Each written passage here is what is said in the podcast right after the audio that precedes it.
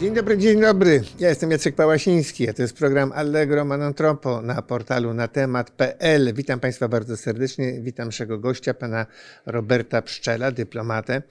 Y, Polaka, który zaszedł najwyżej w hierarchii politycznej Paktu Północnoatlantyckiego, ponieważ no właśnie, i tutaj mam od razu kłopot, dlatego że muszę w kilku słowach zawrzeć życiorys człowieka, który bardzo dużo w życiu e, narobił, a więc był dyrektorem e, e, no, przedstawicielstwa NATO w Moskwie. Nazywało się to Biuro Informacyjne. O tym za chwilę porozmawiamy. Był do zeszłego roku starszym doradcą do spraw Rosji i Bałkanów Zachodnich w Departamencie Dyplomacji Publicznej Kwatery Głównej NATO. To brzmi bardzo dumnie, proszę Państwa. Wcześniej był przez y, wiele lat odpowiedzialny za kontakty z mediami i generalnie za dyplomację publiczną y, też kwatery głównej NATO w Brukseli, a wcześniej jeszcze był y, radcą w stałym przedstawicielstwie Rzeczypospolitej w NATO, przedtem jeszcze był sekretarzem ambasady polskiej w Brukseli. Jest absolwentem e, kilku prestiżowych uczelni zagranicznych e, oraz Uniwersytetu Warszawskiego. Innymi słowy, człowiek idealny, by odpowiedzieć na pytania dotyczące aktualnego stanu e, no, sytuacji politycznej, geopolitycznej wokół Ukrainy. Coś opuściłem w tym Nie no, czuję się skrócie. lekko zażenowany. Jedyne, co mogę potwierdzić, że tak, jestem swego rodzaju weteranem, bo byłem rzeczywiście pierwszym Polakiem, tam pierwszą osobą z, e, z kraju byłego Układu Warszawskiego, która zaczęła pracować jako tak powiem, funkcjonariusz w sekretariacie międzynarodowym w 1999 roku.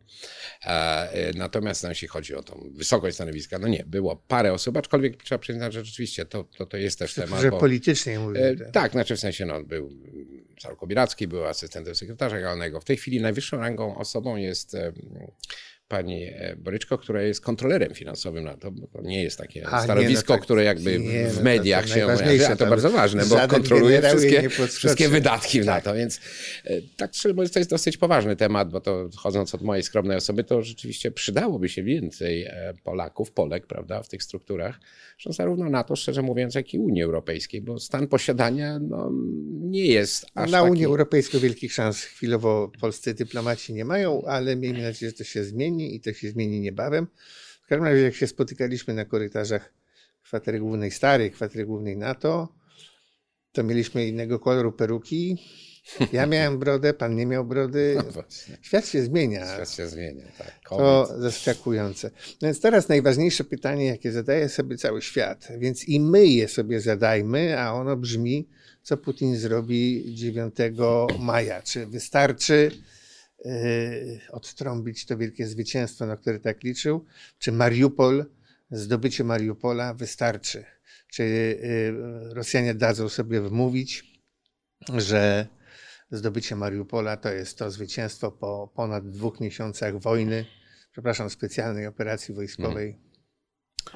No, zabrzmi to cynicznie, ale powiem tak, e, lepiej, żeby tak było. Znaczy, zdolność e, tej maszyny propagandowej rosyjskiej do wymyślenia przeróżnych historii jest jakby niebotyczna. To jest, to jest może być może jedna instytucja, która pracuje na pełnych obrotach, w jakimś sensie oczywiście wydajnie. No to jest cel oczywiście jest jest haniebny, bo to jest swego rodzaju pranie mózgu. To jest pranie mózgów społeczeństwu rosyjskiemu i próba tego samego dezinformacji poza granicami. Natomiast mm, już tak bardzo, bardzo na poważnie. To jest, e, znaczy, może tak, jakbym miał postawić jakieś tam pieniążki, to raczej bym postawił e, na odpowiedź twierdzącą, że to powinno wystarczyć. Główne pytanie dotyczy, czy oprócz, wiadomo, parady, różnych tam otrąbienia wielkich sukcesów, których tak naprawdę przecież nie ma. To jest, to jest haniebna e, wojna i, i nie przynosi żadnych poważnych sukcesów Rosji.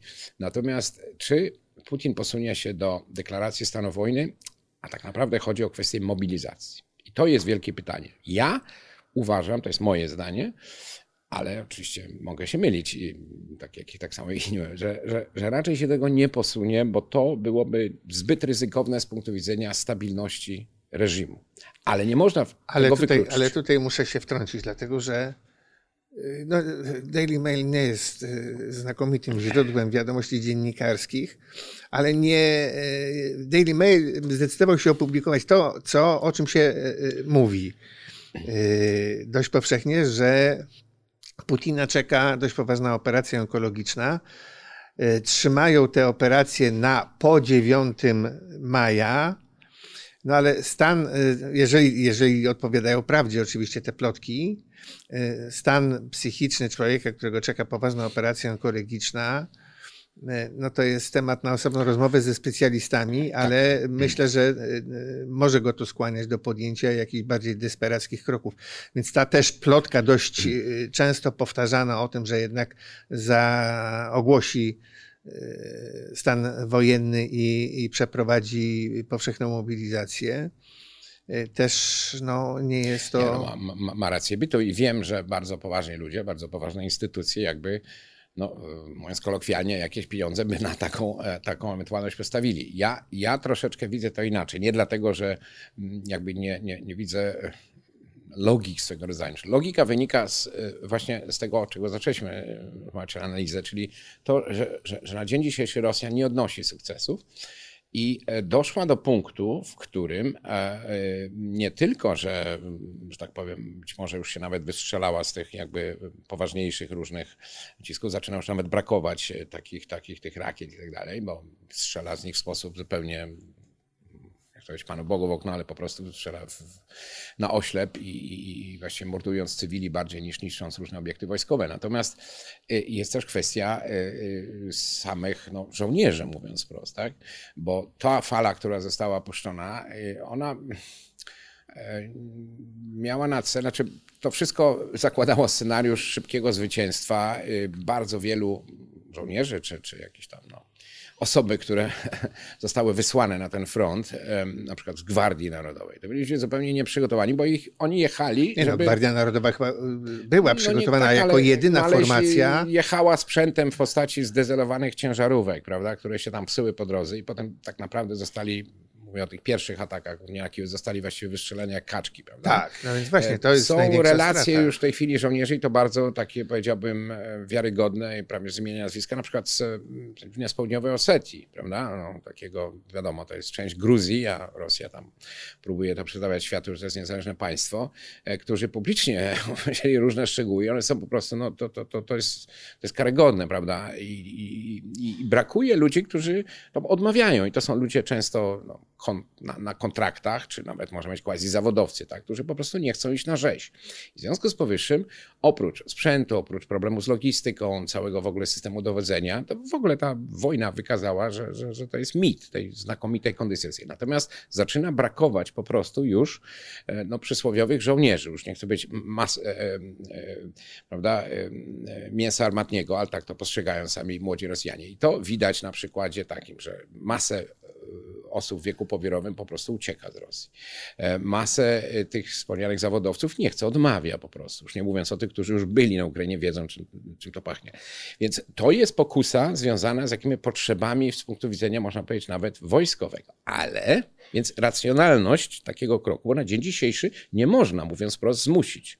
To jest reżim, Ale który nic nie ma racjonalnego w tej no, wojnie. Ta no, wojna do, nie powinna była to prawda, no. To prawda, więc dlatego ja jakby temperuję swoje, znaczy nie mówię o tym z wielką pewnością. Wydaje mi się, że po prostu ryzyko. Dlaczego mówię o tym ryzyko? Bo ryzyko dotyczy mm, i są tu już doświadczenia konkretne, czyli doświadczenia po pierwsze wojny w Afganistanie. To był jakby Związek Radziecki, ale to są często ci sami ludzie.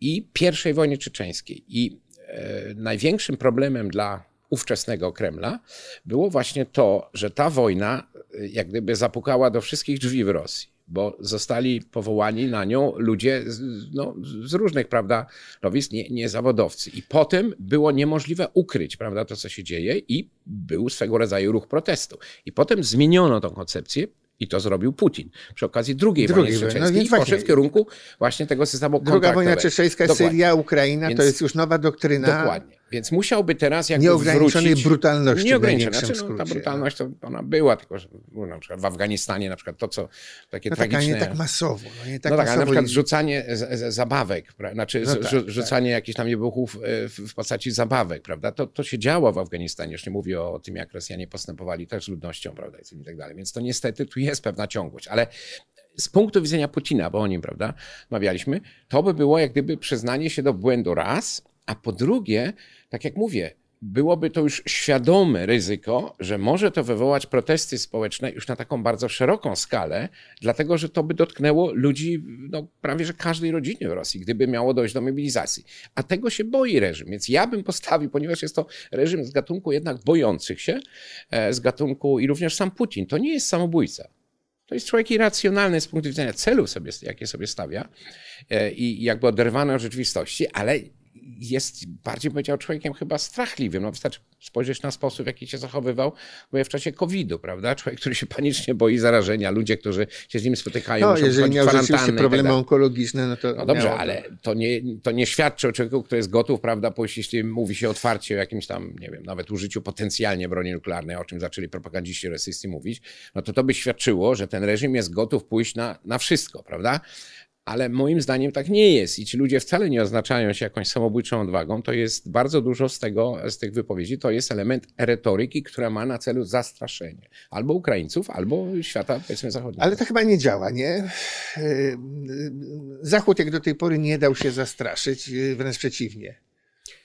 To nie działa na pewno na Ukraińców, a po wszystkich tych już zbrodniach wojennych, nie ma cienia wątpliwości, a nawet można powiedzieć już elementach ludobójstwa, prawda? A czystki etniczne, no, mówimy o dosłownie w ciągu ostatnich paru dni nawet Ukraińcy mówią o wywiezieniu, prawda, wywiezieniu 200 tysięcy dzieci. Gdzie tam? Prawda? A 200 tysięcy dzieci, ale miliona 100 tysięcy tak, ale w ciągu ostatnich Ukraińców, nawet no paru tak, dni, więc tak, to się tak. dzieje. To nie jest tak, że coś się zdarzyło, są, No i mają tę potworną masę zakładników u siebie. są zakładnicy, jest- ale krótko mówiąc, Ukraińcy wiedzą, że ustępstwo, kapitulacja, jakby to nazwać, nie rozwiąże znaczy to, to, to, to nic nie da. To, to praktycznie musielibyśmy wrócić do średniowiecza, czy jak był oblegany jakiś prawda, gród i, i, i zaproponowano e, poddanie się, ale z zagwarantowaniem bezpieczeństwa. To tutaj nawet taka ewentualność, mówię oczywiście hipotetycznie, zresztą to jest decyzja oczywiście tylko należąca do Ukraińców, prawie nie wchodzi w grę, bo wszelkie obietnice, zobowiązania rosyjskie są nic nie warte. Nic nie warte, więc Ukraińcy będą bronić. I to jest też głupota, jeśli tak można powiedzieć, rosyjska, która jakby wszystko zrobiła, Kreml zrobił wszystko, aby z, właściwie zmusić do Ukraińców, że, że muszą walczyć do upadłego, bo inaczej po prostu grozi, grozi ekstermin- eksterminacja praktycznie. Natomiast jeśli chodzi o Zachód, to to w dużym stopniu nie działa, ale oczywiście Putin tutaj też liczy na to, że to może troszkę bardziej zadziałać w dłuższej perspektywie czasowej. I to jest ten problem, czyli takiego no, lekkiego zmęczenia no tak, tematu. Uaktywnienie wszelkiej maści sympatyków Rosji, najogólniej rzecz biorąc, nie mówiąc o bezpośrednich agentach, podsycanie pacyfizmu, podsycanie chaosu, podsycanie dyskusji w różnych parlamentach. No dobrze. Yy, yy, A, a teraz,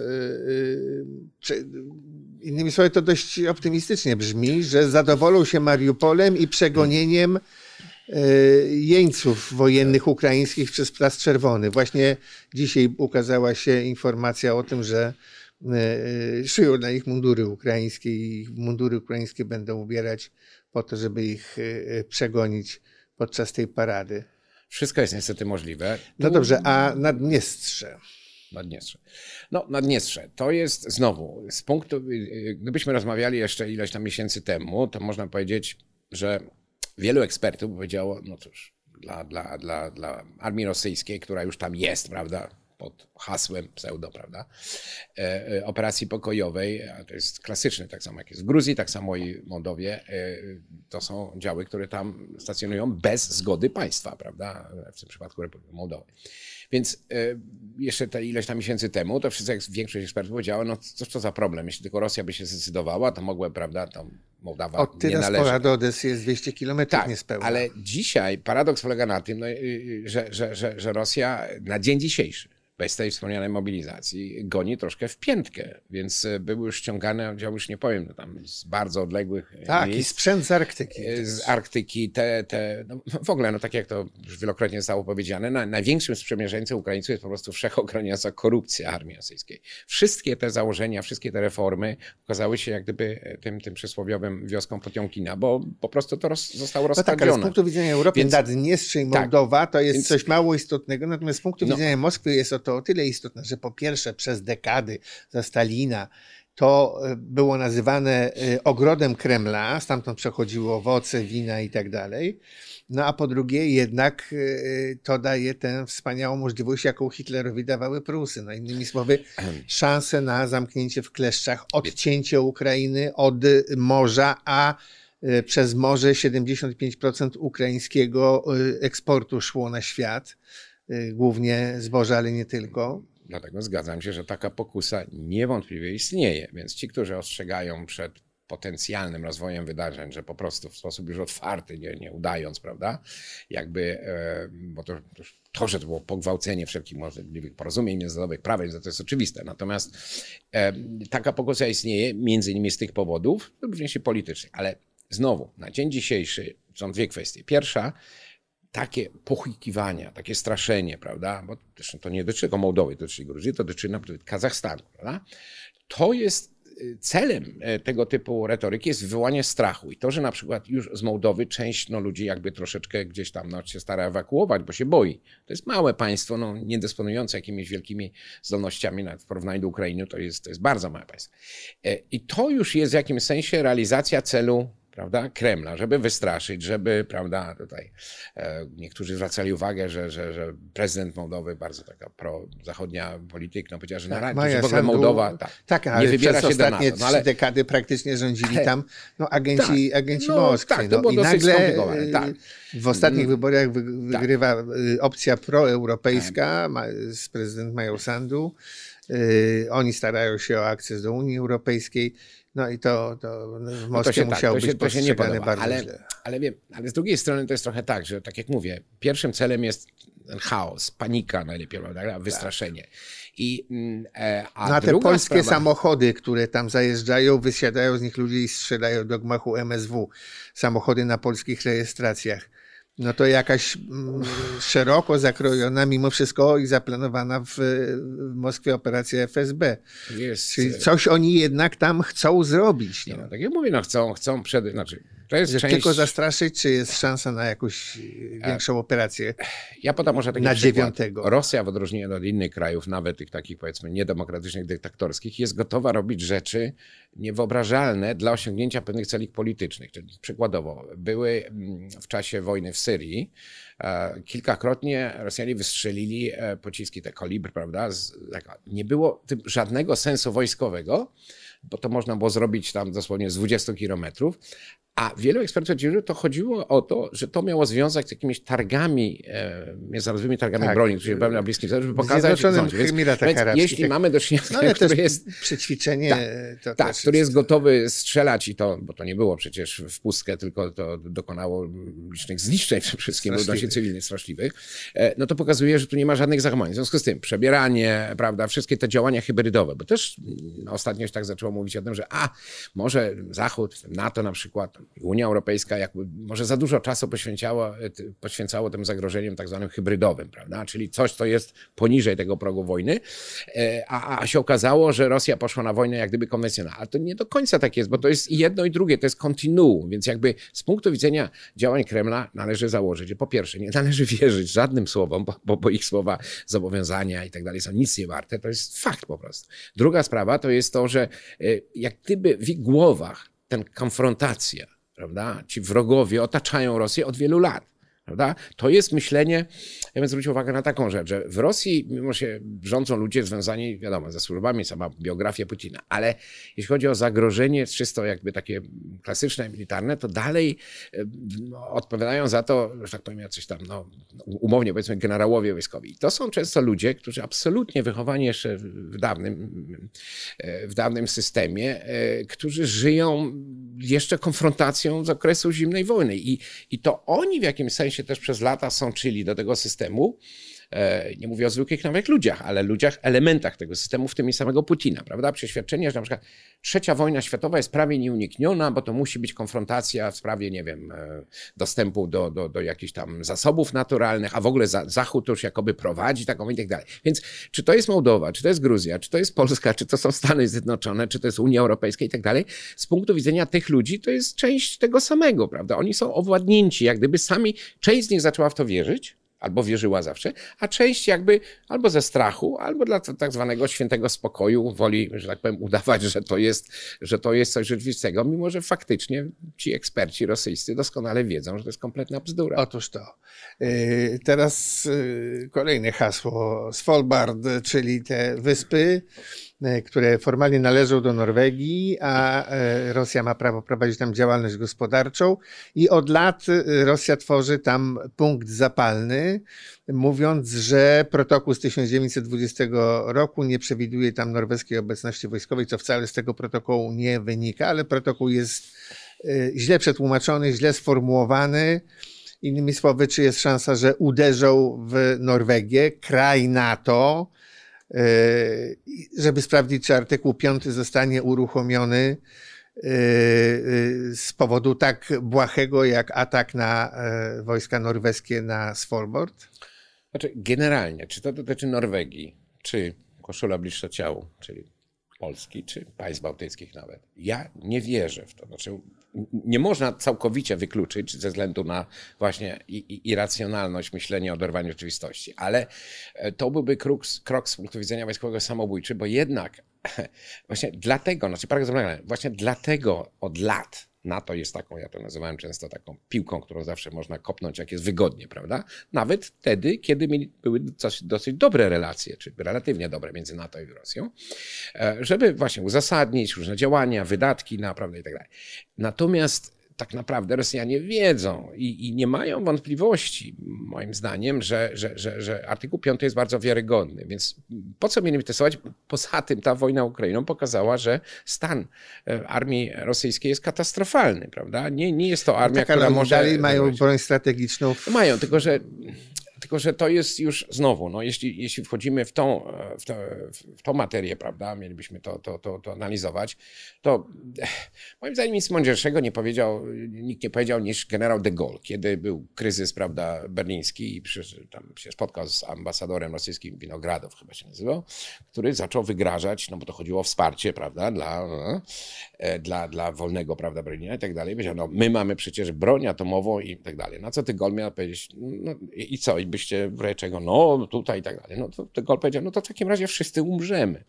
Znaczy, innymi słowy, nie ma, nie można, znaczy można, można rozważać, można dywagować, można no tak, dalej, ale wtedy nie już... było jeszcze za De Gaulle'a broni taktycznej, była broń tak, strategiczna. broń taktyczna... A atomowa broń e, e, taktyczna pojawiła się stosunkowo niedawno jednak no. na, na tym stole konfrontacji globalnej. No, tutaj... To znaczy, to są małe, ja wytłumaczę Państwu może jeszcze, mhm. to są małe ładunki y, albo termonuklearne, albo, albo stare, przestarzałe atomowe, które mają stosunkowo ograniczone pole rażenia, ale no rzeczywiście są bardzo brudne i mogą zmienić losy bitew w, w sposób zdecydowany. Y, y, no, w rosyjskiej telewizji raz po raz pojawiają się, proszę mi pozwolić na ten trend, różnego rodzaju programy, gdzie są animacje pokazujące, że do y, y, Londynu y, rakieta wielogłowicowa dolatuje w 220 sekund i zmiata go z powierzchni Ziemi, a do Berlina tylko w, w 80 sekund zwłaszcza z Kaliningradu. To jest oczywiście wojna propagandowa, tak. no ale ta broń taktyczna, czy tak, znaczy, mamy mm. pewność, że on jej nie użyje? Dzisiaj jeszcze, dzisiaj jeszcze z Kremla wyszła, wyszedł komunikat, Rosja nie ma najmniejszego zamiaru używania broni atomowej, co by takiego starego człowieka jak ja skłaniało do e, myślenia, że, że ma zamiar. Znaczy, no, pewność, no to, to stara anegdota, wiadomo, że pewność to, to się ma co do podatków i do śmierci, prawda? Natomiast y, tu jednak trzeba powiedzieć tak, można, oczywiście, to są pewne definicje dotyczące tak zwanej taktycznej broni nuklearnej. One wynikają w dużym stopniu na przykład z, z pewnego rodzaju jakby rozróżnienia jakiejś się czyni mm, ze względu na jakieś tam no, jeszcze istniejące częściowo ograniczenia czy traktaty, prawda, dotyczące jakiejś kontroli zbrojeń, tak? Ale w praktyce, no, z punktu widzenia użycia, użycie nie, nie, może być właściwie taktyczne, bo to jest bez sensu. No, nie, nie, no to nie jako znawca NATO, niech mi pan powie w takim razie, czy jeżeli Rosjanie użyją taktycznej broni nuklearnej, czy NATO, mimo że użyją poza terytorium NATO, czy NATO wtedy odpowie również taktyczną bronią nuklearną? Tak, no, wchodzimy tutaj bardzo takie delikatne jakby spekulacje, natomiast no, wiarygodność NATO... artykułu 5 jeszcze raz powtórzę, ona obejmuje e, jakby wszystkie aspekty dotyczące bezpieczeństwa państw członkowskich. Więc mówimy przede wszystkim tak. tego, no ale że zakładamy, jednak... że jedno kilotonową bombą uderzą gdzieś w jakiś cel na Ukrainie i NATO to pozostawi bez odpowiedzi. Ja, ja nie chciałbym tak powiedzieć, natomiast to jest znowu, to, to jest po to ci propagandziści, którzy gdzieś tam, w ogóle jest pewna, paradoksalnie jest pewna różnica pomiędzy tym, co wyprawiają werbalnie Rosjanie w tej materii, a jakie była jakby doktryna i nawet praktyka związku. W Związku Radzieckim powiedzenie czegoś publicznie, czy tam opublikowanie artykułu, to, to wymagało zgody, że tak powiem, politbiuro. Dzisiaj jakby ta kremlowska, e, putinowska Rosja zezwala na, na, na przeróżne jakby dywagacje, ale esencja jakby tych kwestii się nie zmieniła. To znaczy, wszel, jakakolwiek użycie broni atomowej, w ogóle powiedzmy wprost, no, zmieniłoby kompletnie wszystkie kalkulacje. I to jest coś, co postawiłoby Rosję w sytuacji no, no, na, na granicy po prostu ogromnego e, ryzyka. Więc jeśli chodzi o artykuł 5 i państwa NATO, ja wątpliwości nie mam, że po prostu e, to on jest jakby szczelny i wiarygodny. Co do szalonego pomysłu, jak gdyby jakiegoś tam użycia prawda, na terytorium innego kraju, no to oczywiście mm, tutaj e, no, NATO jakby mogłoby zastosować w cudzysłowie trochę inną doktrynę, ale nie ulega wątpliwości, czy to jest, mówimy o państwach NATO, czy to są, nie wiem, Chiny, czy to jest w ogóle cały, global, cały globalny świat, użycie przez jakiekolwiek państwo broni nuklearnej byłoby czymś nieprawdopodobnym i miałoby straszne konsekwencje, w tym również dla tego kraju. Więc ja nie podejmuję się spekulowania, e, ale jestem głęboko przekonany, że mimo tej retoryki szalonej, nieodpowiedzialnej, e, jednak w Moskwie zdają sobie sprawę, że to byłby krok Dobrze, w Moskwie sobie zdają, a w Brukseli. To znaczy, innymi słowy, ja jeszcze raz sformułuję inaczej to, to, to pytanie. Y, Rosja uderza, proszę wypić kawkę, to ja przez ten czas się wygadam. Rosja użyje na Ukrainie y, małej bomby atomowej. Jaka jest najbardziej prawdopodobna reakcja NATO na coś takiego? Ja nie udzielę takiej odpowiedzi z prostej przyczyny, że po prostu to jest tak y, jakby karkołomny scenariusz, że ja nie, nie, mam, nie mam ku temu, że tak powiem, parametrów, bo to są, nie zapominajmy też, że jeśli mówimy o broni nuklearnej, sojusz NATO jest organizacją, oczywiście polityczną wojskową, e, która mm, w swoim arsenale obronnym jakby nie zmieniła tego podejścia. To znaczy są zarówno e, zdolności konwencjonalne, jak i nuklearne, również cyber, prawda, bo przykładowo w doktrynie NATO e, atak cybernetyczny mógłby na przykład inicjować artykuł 5. Nie wszyscy jakby to jeszcze, to, bo to już jest ewolucja. Natomiast w praktyce to nie jest tak, że każde państwo natowskie prawda, posiada tak, bo jest ograniczona, bo to są właściwie wiadomo, są Stany Zjednoczone, Wielka Brytania i Francja i to również jest związane, jest to wszystko wkomponowane, tylko że pamiętajmy, te posiedzenia, bo są posiedzenia na szczeblu ministrów, są szczyty i tak dalej i mają różne formuły, dyskutuje się na temat obrony, dyskutuje tak no tutaj na tematy polityczne, ale jest specjalna tak. grupa do, e, właśnie do tych spraw tak zwana Nuclear Planning Group, która jest, to już jest zupełnie, totalnie e, tajne przez, przez poufne.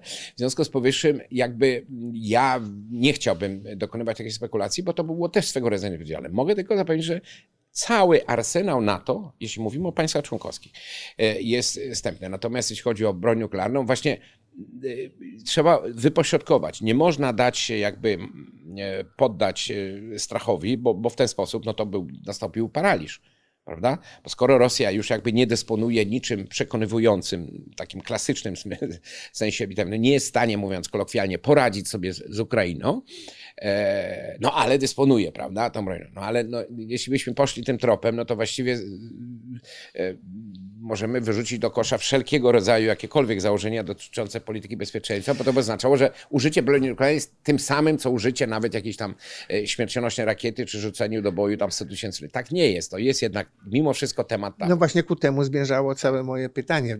pytanie jest lepsze niż moja odpowiedź, ja wiem. Użycie, użycie broni nuklearnej. Przepraszam za takie spekulacje dość makabryczne. Y, na Ukrainie co prawda nie uderzyłoby w terytorium żadnego z krajów członkowskich NATO, ale zmieniłoby sytuację geopolityczną tak radykalnie, że y, zmusiłoby i NATO, i poszczególne państwa członkowskie do dramatycznej, dramatycznej i błyskawicznej rewizji swoich doktryn wojskowych, co najmniej. Więc innymi słowy, ta reakcja musiałaby być bardzo, bardzo stanowcza. No to świat by się zmienił natychmiast i bardzo drastycznie, bo można sobie wyobrazić w ogóle przeróżne sceny. Mówię, nie chcę spekulować, natomiast patrząc tak No, szerzej. ja właśnie chcę pana namówić Ja na te spekulacje, no bo, no bo, bo to by było naruszenie, naruszenie tabu, dlatego że, że, że, że jednak nawet z punktu widzenia Rosji, prawda, tej trochę szalone już w tej chwili względu na, na charakter Putina i tutaj rzeczywiście częściej się do analizy nadają psychoanalitycy niż, niż politolodzy, tak to trzeba wprost powiedzieć. Ja o tym mówię od lat i, i, i podtrzymuję to. Natomiast to, to nie jest bez znaczenia. Rosja chciałaby, no bo to jest też taki paradoks. Putin szczyci się tym i to jest ciągle się pojawia w że Rosja jest wielkim mocarstwem i należy się z nią liczyć i tak dalej, i tak dalej, prawda? No ale to wielkość, mocarstwowość również e, określa swego rodzaju elitaryzm dostępu do broni nuklearnej. Więc nie jest w interesie Rosji. Rosja zawsze tu nie zmieniła zdania, prawda? Jak gdyby e, proliferacja. A do tego by doszło w sposób oczywisty, gdyby ktoś No tak, zechciał natychmiast. użyć, prawda? Więc to jest, to jest taka, no, e, wydaje mi się, rzeka chyba, którą nawet obecny reżim nie chciałby przekroczyć z przeróżnych No powodów. tak, no bo produkcja Yellow Cake jest stosunkowo prosta Dokładnie. i byłaby dostępna Na do, dla, dla, dla kilkudziesięciu krajów na dobrą sprawę od zaraz. Yy, Jeszcze jedno pytanie. Arktyka. Rosjanie utrzymują tam przede wszystkim bazy wokół Arktyki. Yy, Rosjanie mają typu 20 do, do, do 6, yy, licząc mniej więcej w tym samym promilu, czyli 20 yy, baz rosyjskich i 6 sprzymierzonych. Arktyka należy formalnie do pięciu krajów. Przy czym Rosja rości sobie prawo do prawie jednej trzeciej yy, Arktyki. Tam znajdują się poważne pokłady surowców naturalnych i utrzymuje tam absurdalnie duże siły wojskowe. Czy możliwa jest y, 9 czy tuż po 9 y, jakaś istotna prowokacja na terenie Arktyki? Znaczy, prowokacje są możliwe cały czas. Czy to ma związek z 9 maja, bo to można też troszeczkę już popadamy w to takim 9 maja, można sobie wyobrazić, jak to ktoś tam pamiętam napisał, a może Dzień Dziecka, a może tam, nie wiem, urodziny Putina i tak dalej. Natomiast mówiąc rzeczywiście bardzo poważnie, prowokacje są możliwe i należy się z nimi liczyć. O charakterze hybrydowym w różnych częściach, prawda? E, zarówno e, powiedzmy bezpośredniego sąsiedztwa Rosji, jak i być może i dalej. Natomiast znowu, to, o czym, e, że tak powiem, co było analizowane, co, co, co, co jakby budziło wielki niepokój e, przed e, rozpoczęciem tej barbarzyńskiej wojny, czyli właśnie odbudowanie pewnych zdolności, czyli otwarcie ponownie pewnych baz, prawda, zainwestowanie w pewne sprzęt taki szczególnie istotny dla prowadzenia jakichkolwiek działań wojskowych w takim, no, w takim specyficznym, prawda, regionie klimatycznym jak Arktyka, to budziło oczywiście niepokój. Ale dzisiaj już wiemy, że mówiąc kolokwialnie, wiele, e, znaczy, skoro taki jest ogólnie stan e, armii rosyjskiej, no to należy się być właściwie w ciemno założyć wie, wiele elementów tych, które jakby wzbudzały, e, że tak powiem, sens powiek różnych analityków, e, nie ma w 100% czy w dużym stopniu pokrycia w rzeczywistości. To, to, w tej dziedzinie, czy w tym regionie również wiele z tego, co obserwowaliśmy, ma na pewno charakter takiej wioski potiomkinowskiej, co nie oznacza, że jakby należy to e, bagatelizować. Natomiast w momencie, kiedy następuje, pan wspomniał o tych państwach, które, i to trzeba powiedzieć uczciwie, to wiele z tych państw są państwa natowskie, prawda, Stany Zjednoczone, Kanada, prawda? I Nie, Norwegia. nie były gotowe, nie były zainteresowane, żeby jakby były bardzo stanowczo jakby nie chciały nawet powiedziałbym e, przenosić e, tych dyskusji dotyczących to, na przykład Holen, e, Norwegowie to nazywają nie tylko High North, prawda, żeby to Kiedyś pamiętam, minister norweski taką w czasie mm, zamkniętego posiedzenia w NATO, więc nie mogę zdradzać, ale pokazałem mapę i ona wygląda zupełnie inaczej, bo to był jakby do góry nogami, bo tak wygląda świat w perspektywie Norwegii. tak, tak. Żeby pokazać, jakie to jest ważne, prawda? Bo tak to patrzymy na świat jak gdyby od strony Morza Śródziemnego tradycyjnie. Tak, tak, no, prawda? jeżdżąc po świecie Ale się I te kraje, przyzwyczaić do nawet map. kraje sojusznicze, nie, my mamy tą radę spokojnie, no krótko mówiąc, żeby uniknąć tej milita- militaryzacji. No ale z drugiej strony, kiedy kiedy Rosja tą militaryzację jakby sama już prowadziła, no to oczywiście nie można tego zostawić. Więc e, są podejmowane określone wysiłki, są, są, są jakby mm, czujność, może tak powiedzieć, czujność sojuszników, zarówno indywidualnie, bilateralnie, jak i już na tym szczeblu instytucjonalnym jest znacznie wyższa niż była i jestem, e, znaczy jestem przekonany, wiem, że po prostu również zdolności jak gdyby obronne sojuszu spokojnie, bez popadania w jakieś skrajności, również są znacznie wyższe i będą y, coraz wyższe w, w dającej się przewidzieć perspektywie. Także tak, świadomość zagrożenia istnieje, ale również ku temu są wypracowane określone środki, żeby stawić temu czoła. Jest pan absolwentem London School, School of Economics, Wydział Politologii, o ile dobrze pamiętam. Czy tam uczono definicji państwa zbrodniczego? Hmm. No tam uczono wielu rzeczy, bo no, pamiętam, że było i prawo, i prawo międzynarodowe, i była i różne szkoły, pamiętam, bardzo Czy lubiłem. Te... taka definicja generalnie rzecz biorąc? Znaczy, no, są definicje, to bardziej, znaczy to są trochę definicje, zależy, no, y, są, są definicje wynikające z jakichś, nazwijmy to, mm, teorii, prawda, stosunków międzynarodowych. No, były szkoły i taka, nie wiem, bardziej lewicowa, jakaś tam prawie, jakaś tam neomarksistowska, jakby się kiedyś tam powiedziało, były szkoły takiego klasycznego e, realizmu, prawda, natomiast te pojęcia, one bardziej dotyczą kwestii, to jest istotne, czy można politycznie zdefiniować jakieś państwo i to chodziło od wielu lat i chodzi, jak to się mówi, określenie państwo rozbójnik, prawda? Które tak. się zwykle rezerwowało dla takich państw jak prawda, Korea Północna, tam czasami jakieś inne zależności, Iran, tak. Iran, e, niektóre tam w Afryce, które się tam już zupełnie, jak to się mówi, zbiesiły, prawda? E, I paradoks polegał na tym, że to była jedna z płaszczyzn, których przez wiele lat wydawało się, że ta nowa Rosja, tak to nazwijmy, a nawet kiedyś częściowo Związek Radziecki, prawda? Mogą być, tu można wypracować, że są jakieś wspólne interesy. No bo tak się wspomniałem, Rosja nie powinna być zainteresowana proliferacją jakiejś broni masowego rażenia. E, Rosja nie powinna być zainteresowana, stąd wynikała na przykład kwestia pewnej współpracy w zakresie Afganistanu. No, dla, nie wiem, no, przysłowiowej no, Hiszpanii, Portugalii, Afganistan jest bardzo daleko, nawet dla Polski jest daleko, ale już dla Rosji, prawda? Więc to, co robiło na przykład NATO w Afganistanie, e, e, teoretycznie przecież służyło bezpieczeństwu Rosji. Ale to wszystko wzięło jak gdyby w tym momencie, dlatego że Rosja zasługuje już na dobrą sprawę na miano państwa rozbójnika, czego jakby doktryny nie przewidywała, bo to, że to jest państwo w okresie zimnej wojny, czyli Związek Radziecki był państwem no, jakby wrogim, który e, był zdeterminowany, jeśli chodzi o konfrontację z Zachodem, to zgoda, ale były pewne zasady postępowania, były pewne traktaty i tak. Problem dzisiejszy to jest tragedia dla Rosji, długofalowa, że Rosja nie tylko stała się już w jakimś sensie pariasem, ale przyszłość Rosji jest bardzo niepewna, bo to jest państwo, które jakby rozmieniło na drobne wszelkie jakiekolwiek, które miało jakieś tam, prawda, e, swoje atuty z punktu widzenia no, przekonywania, że z Rosją można się dogadać, z Rosją można prowadzić interesy i Rosję no można traktować jako partnera.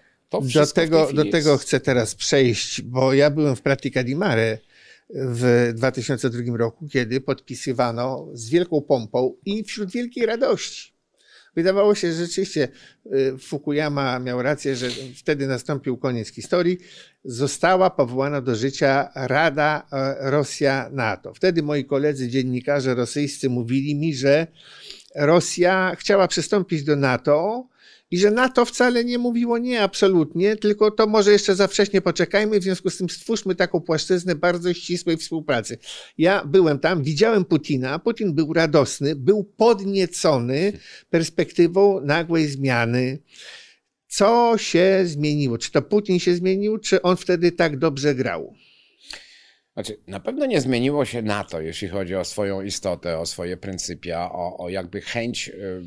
Na to tak, no ale teraz. No nie, ale to jest ważne, dlatego że, że, że to jest często przedstawiane, że, że, że na przykład y, część i to, to, to, ta narracja, ona chodzi nie tylko w Rosji, ale można znaleźć jakby no, więcej niż odpryski również wśród niektórych komentatorów w różnych miejscach, prawda? No, znaczy poczytać niektóre artykuły Foreign, foreign Policy, prawda? Bardzo prestiżowym amerykańskim, które jakby jednoznacznie sugerują. Jest taka cała szkoła, już nie mówię tam Mirsheimerze i tak dalej, którzy właściwie dają, że, że, że tam nie ma zbrodni wojennych na Ukrainie, ale no poważni jakby profesorowie amerykańscy, nie tylko, którzy przekonują, że e, NATO popełniło jakieś błędy i niewystarczająco sposób e, Rosji zapewniło udział w jakiejś, prawda, tutaj no tak, tak. To są wszystko. Papież to jest, podsumował to bardzo. Papież tak, no niestety, to jest bardzo smutne. Ale to jest wszystko nieprawda, dlatego że jeśli spojrzeć na to naprawdę, na, na chłodno, na spokojnie i mówię oczywiście jako był urzędnik NATO, więc ktoś powie, aha, no, no ale swoje chwali, człowiek, ale fakty, właśnie w samym ale fakty są, ja bym to określił nawet, że przez wiele lat po angielsku nawet ładnie brzmi, że tak powiem, NATO się wychylało, bending over backward. Już robiliśmy wszystko, szpagaty, żeby tylko jakby w tej zbiorowej mądrości, bo wiadomo, że były różnice zdań. No, kraje takie jak Polska inne były zawsze bardziej, mniej skłonne do romantyzmu, by bardziej, że tak powiem, na chłodno patrzyły i tak dalej. Inne kraje, zwłaszcza Europy, powiedzmy zachodniej, przeciwko południowej oczywiście, były bardziej, tak, idealistycznie w cudzysłowie, albo miały też może troszkę większe interesy gospodarcze. Ale była jednak wypracowana pewna, e, pewna, pewna doktryna czy, czy pewna polityka podejścia do Rosji, której między innymi właśnie przejawem było wspomniane już powołanie Rady NATO-Rosja. E, e, I bo, bo, bo założenie było takie, że z Rosją, dobra, będziemy się kłócić, ale gdzieś tam można się, prawda, gadać. Natomiast problem polegał na, na tym, że wszystkie te wysiłki, które świat umownie powiedzmy zachodni, na przykład... Dobrze, dobrze, ale nie, nie. No, mhm. Sedno mojego pytania jest takie, no, czy wtedy już y, y, Putin udawał, mówiąc, że wykorzysta instrumentalnie, ponieważ on ogłosił mniej więcej y, w tamtym okresie, że do 2018 roku wszystkie rodzaje broni w Rosji muszą być zmodernizowane i potrzebuje na to okresu spokoju.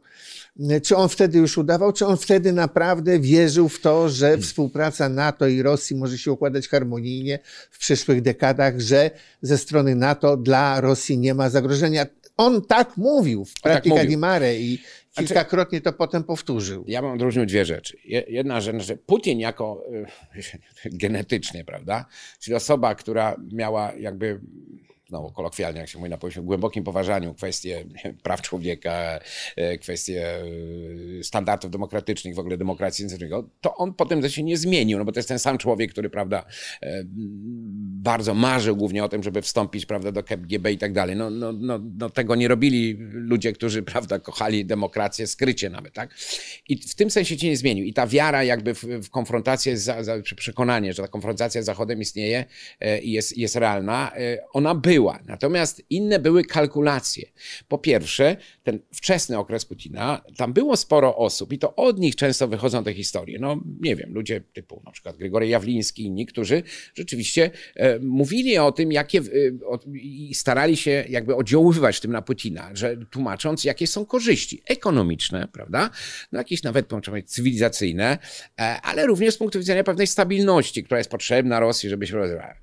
I stąd pojawiły się takie pogłoski, że przecież no, można by y, rozważyć przyjęcie y, Rosji do NATO. I problem niezrozumienia polega na tym, że z punktu widzenia formalnego i pryncypialnego NATO nigdy nie mówiło, że to jest niemożliwe. W artykule 10 jest, jeśli Rosja definiuje państwo europejskie, okej. Okay.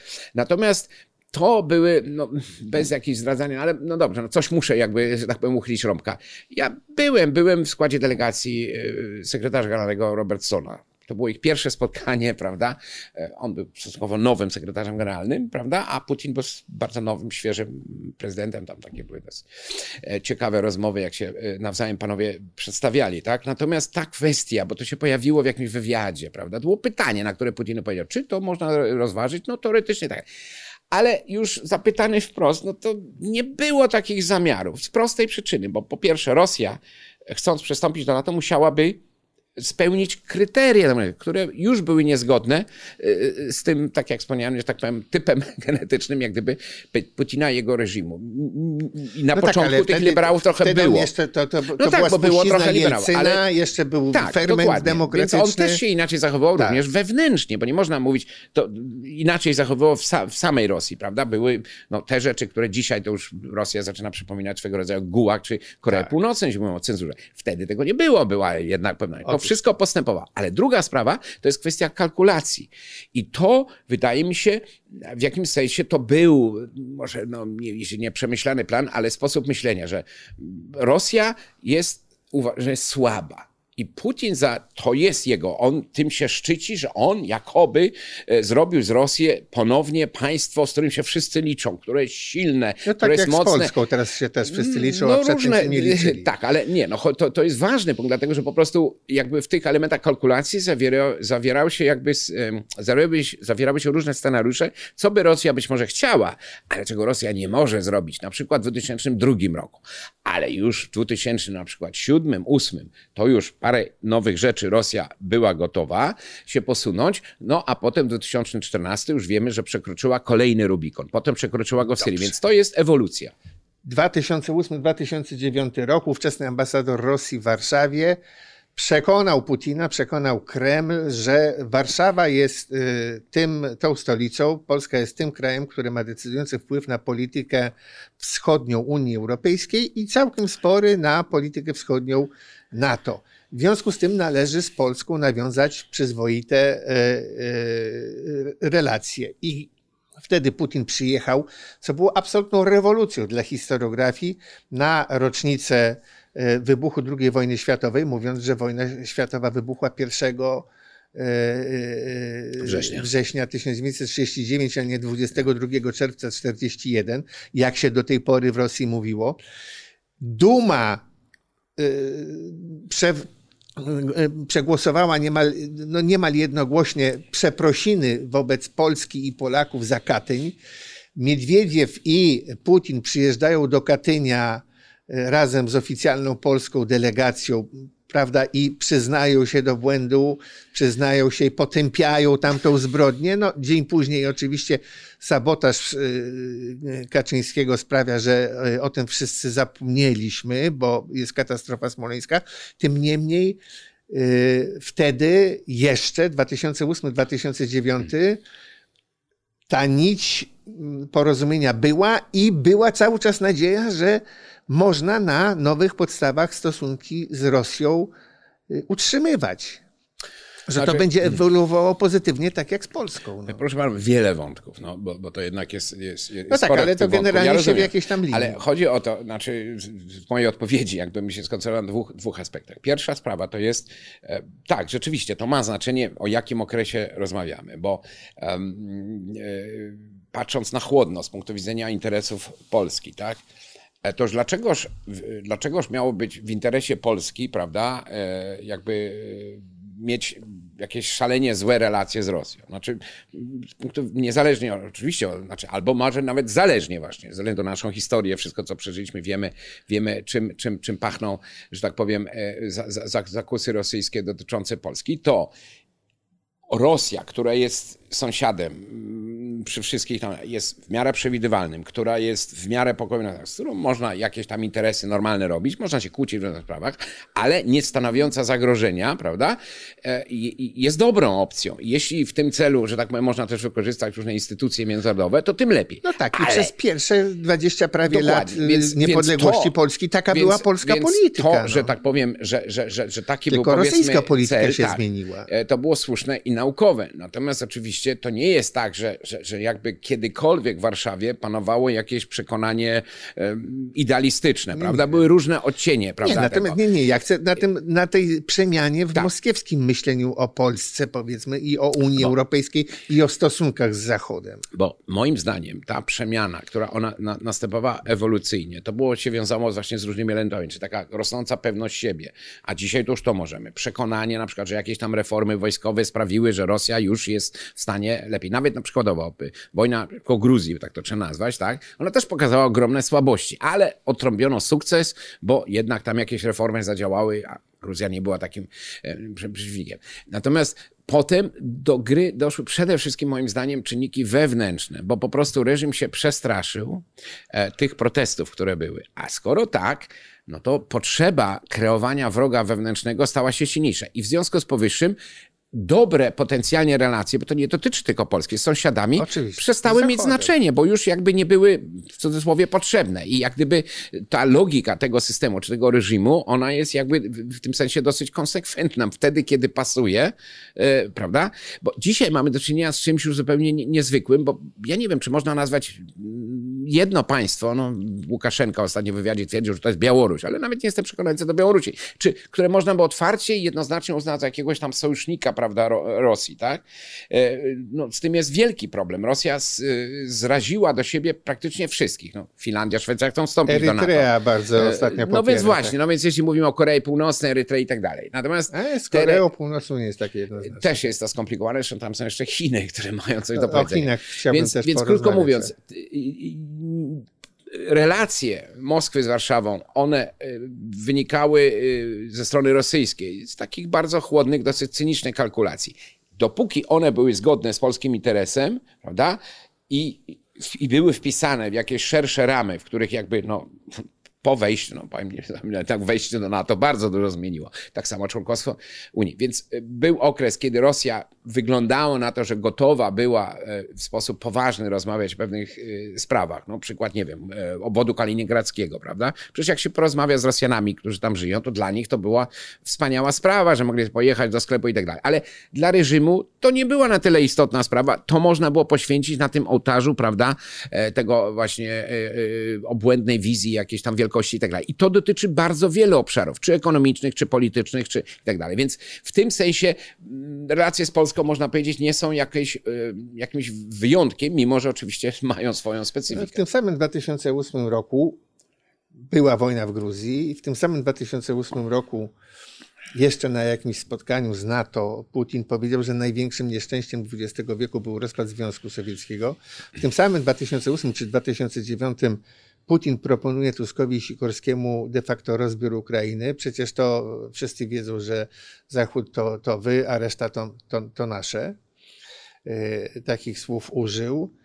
E, w związku z tym, e, no ewidentnie miał już od dawien dawna plany na realizację tego, co właśnie w tej chwili realizuje, czyli, czyli tej wojny z Ukrainą i, i wchłonięcia jej. Tutaj przy no teraz mhm. Biden podobno w Warszawie powiedział, to pan będzie wiedział lepiej ode mnie i pan mi to potwierdzi, naszym e, arcymądrym rządzącym, że, e, że Orban się zgodził na perspektywę rozbioru Ukrainy do spółki z Rosją. Że... Znaczy, tego nie wiem, no, Węgrzy zaprzeczają. Ja pamiętam, no, jak pierwszy raz przeczytałem te informacje no, o, o, bo to, to Ukraińcy założyli. Orbana że, tak, zaprzeczają, to tak jakby Ukraińcy, Rosjanie Ukraińcy no. że, że, że no to prawie, że myśmy mieliśmy Natomiast prawdą jest, i tu wychodzi właśnie ten taki kakieboski charakter e, Putina, czyli, czyli próbowanie, czyli testowanie, prawda? Więc to było robione często przez różnych jakichś takich mm, e, e, cyrkowców propagandy rosyjskiej, już na przykład nieżyjący Żyrynowski, prawda?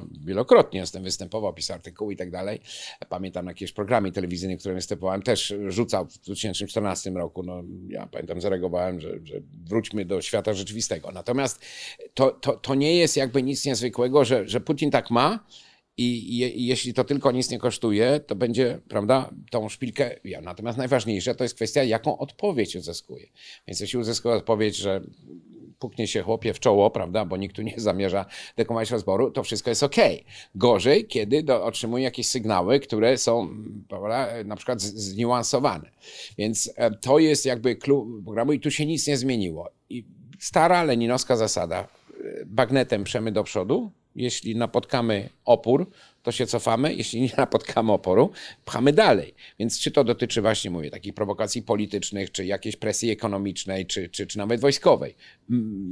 Modus operandi jest cały czas ten sam. Oni ci ludzie tak mają, bo to jest też e, ich źródło w dużym stopniu porażki tej operacji w Ukrainie, bo tak naprawdę ona nie została zaplanowana jak, jako pra, prawidłowa operacja e, wojskowa. To jest operacja, stąd w tym sensie, w jakim to, to, to określenie specjalna operacja ma jakąś tam, mówiąc intelektualnie rację bito, bo to wymyślili ludzie, którzy nie mają wielkiego pojęcia o operacjach wojskowych. Oni, ich specjalnością są operacje właśnie typu e, prowokacje KGB, jak gdyby hybrydowe. Tylko się okazało, że z konfrontacji z, realną siłą jednak e, i zdolnościami obronnymi e, wojskowymi e, ta metoda absolutnie nie, nie, ma, nie, ma, nie zdała egzaminu. No prawda? No tak, na to wszystko się jeszcze zupełnie fałszywy ogląd Ukrainy i te przekonania, że będą witani mm, kwiatami. To teraz może osobiste pytanie. Proszę wziąć oddech i odpowiedzieć mi na dwa właściwie pytania. Jak się czuje przedstawiciel NATO w e, Moskwie w latach 2010-2015, a właściwie 2017 e, jako, jako dyplomata jak się czuje e, ktoś jako człowiek w takiej sytuacji? Przedstawiciel NATO w Moskwie, czyli A jako urzędnik, B jako człowiek hmm. prywatny.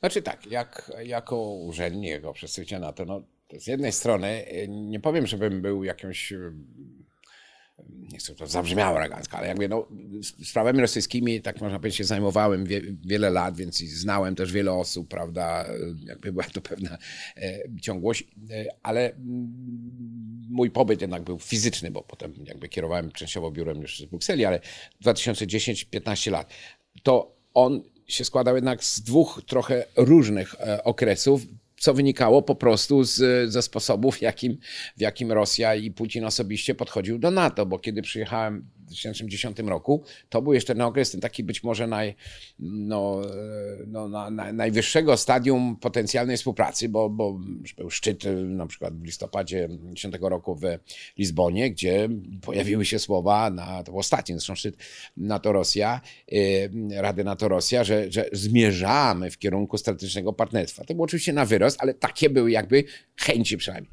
One wzięły, ale bardzo szybko to zostało w cudzysłowie skasowane, bo, bo, bo Putin zdecydował właśnie z względów głównie wewnętrznych, że to mu po prostu nie pasuje. Więc e, czy to kwestia tarczy, ile to było, prawda, e, ambarasu z tym, mimo że paradoks polega na tym, że początkowo to była jedna z, e, z ciekawszych form współpracy pomiędzy NATO i Rosją, prawda? Więc słowa, zobowiązania, a, a rzeczywistość zupełnie co innego. Więc ten pierwszy okres, kiedy przyjechałem do Moskwy, to było jeszcze sporo y, interesujących y, jakichś y, form nawet współpracy. No, była na przykład współpraca w zakresie takiego scenariusza, jeśli się dojdzie do sytuacji, prawda, porwania samolotu przez jakichś tam terrorystów, no ale ten samolot na przykład, nie wiem, z przestrzeni polskiej będzie potem leciał, w, wleci w przestrzeń powietrzną Federacji Rosyjskiej i, i, i co my wtedy robimy? I najpierw opracowano pewne zasady, potem się okazało, że można pójść dalej i były nawet ćwiczenia, pamiętam, który na przykład tam było centrum dowodzenia jedno natowskie w, w Polsce, a drugie było na przykład w Rosji i e, opracowano system, w którym jakby przekazywano mu odpowiedzialność, czyli gdzieś tam polskie myśliwce latały, latały, prawda, rosyjskie. Paradoks polega na tym, że dokładnie dzień przed y, już aneksją y, Krymu i, i dzień przed olimpiadą, notabene w Pekinie, raz... W Soczi. E, e, tak, znaczy się tak, zostało jakby... 14 tak, zimowe igrzyska tak, w Soczi. Po prostu zostało jakby ten, te, te procedury aktywowane, bo, bo, bo był jakiś samolot, coś tam się dziwnego stało, okazało się, jakiś niezauważony psychicznie, on wylądował w Turcji, ale te procedury, była współpraca w zakresie Afganistanu, więc e, jakby to była ta przyjemniejsza część tej pracy, bo niezależnie od oczywistych różnic i faktu, że, że, że w pełni była świadomość, że NATO nie jest, łagodnie mówiąc, popularną instytucją w Rosji, wręcz odwrotnie, ale było jakby, no jak zawsze w Rosji, y, przyzwolenie z góry, nawet powiedziałbym instrukcja z góry, żeby no, w jakichś tam dziedzinach współpracujemy. I to, y, to, to sprawiało, że, że, że to troszkę inny charakter miał ten mój pobyt. Natomiast potem w momencie, kiedy przykręcono tę śrubę, kiedy zaczęto znowu, prawda, już jakby demonizować na to, no to oczywiście to już wtedy było, to już były demonstracje pod samym biurem, prawda, co już było też przykre z punktu widzenia czysto takiego osobistego, no bo to, to nie jest fajnie, prawda, e, gdzieś tam e, funkcjonować w takim, w takim, e, w takim miejscu, w którym człowiek cały czas mam wrażenie, że gdzieś jakby się będzie spotykał z jakąś tylko wrogością. Na, na, na płaszczyźnie czysto takiej ludzkiej, no nie, nie powiem, żebym się jakby mm, e, wszyscy Rosjanie, nawet ci oficjalni jakieś tam zachowywali w sposób niezmiernie wrogi. No oczywiście miałem, to była część dla mnie pracy po prostu. Jak szedłem do programu telewizyjnego, to wiedziałem, że tam będzie 8-10 osób, 10 e, osób stało i praktycznie często wrzeszczało. No to jakby jako urzędnik NATO no, traktowałem to jako część swoich obowiązków. E, natomiast no, jeszcze Rosja nie była wtedy krajem totalnego gułagu, ale to się zaczęło bardzo Dobrze, dramatycznie za zmieniać. panem bez przerwy? Czy... No, można tak założyć. No.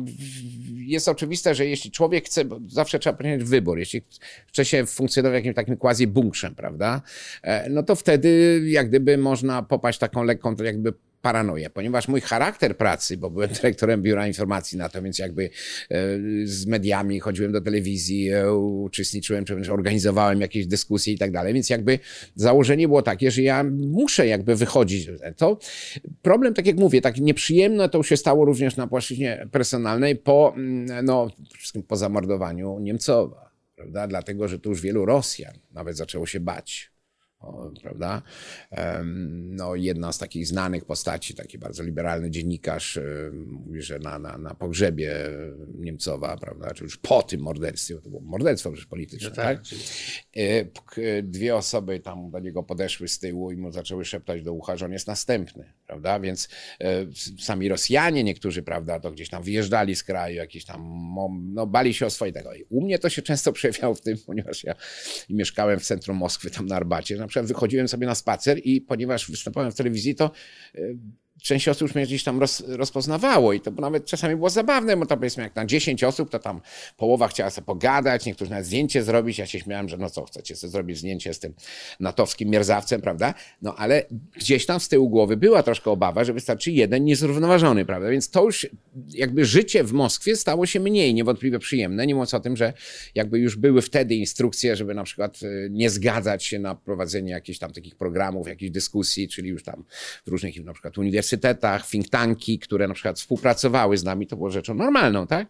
Nagle zostały wpisywane na listę tych tak zwanych obcych agentów, więc to, to przykręcanie śruby e, miało zarówno wymiar powiedzmy taki e, zawodowy, ale też sprawiało, że ten pobyt się stawał coraz mniej sympatyczny. No.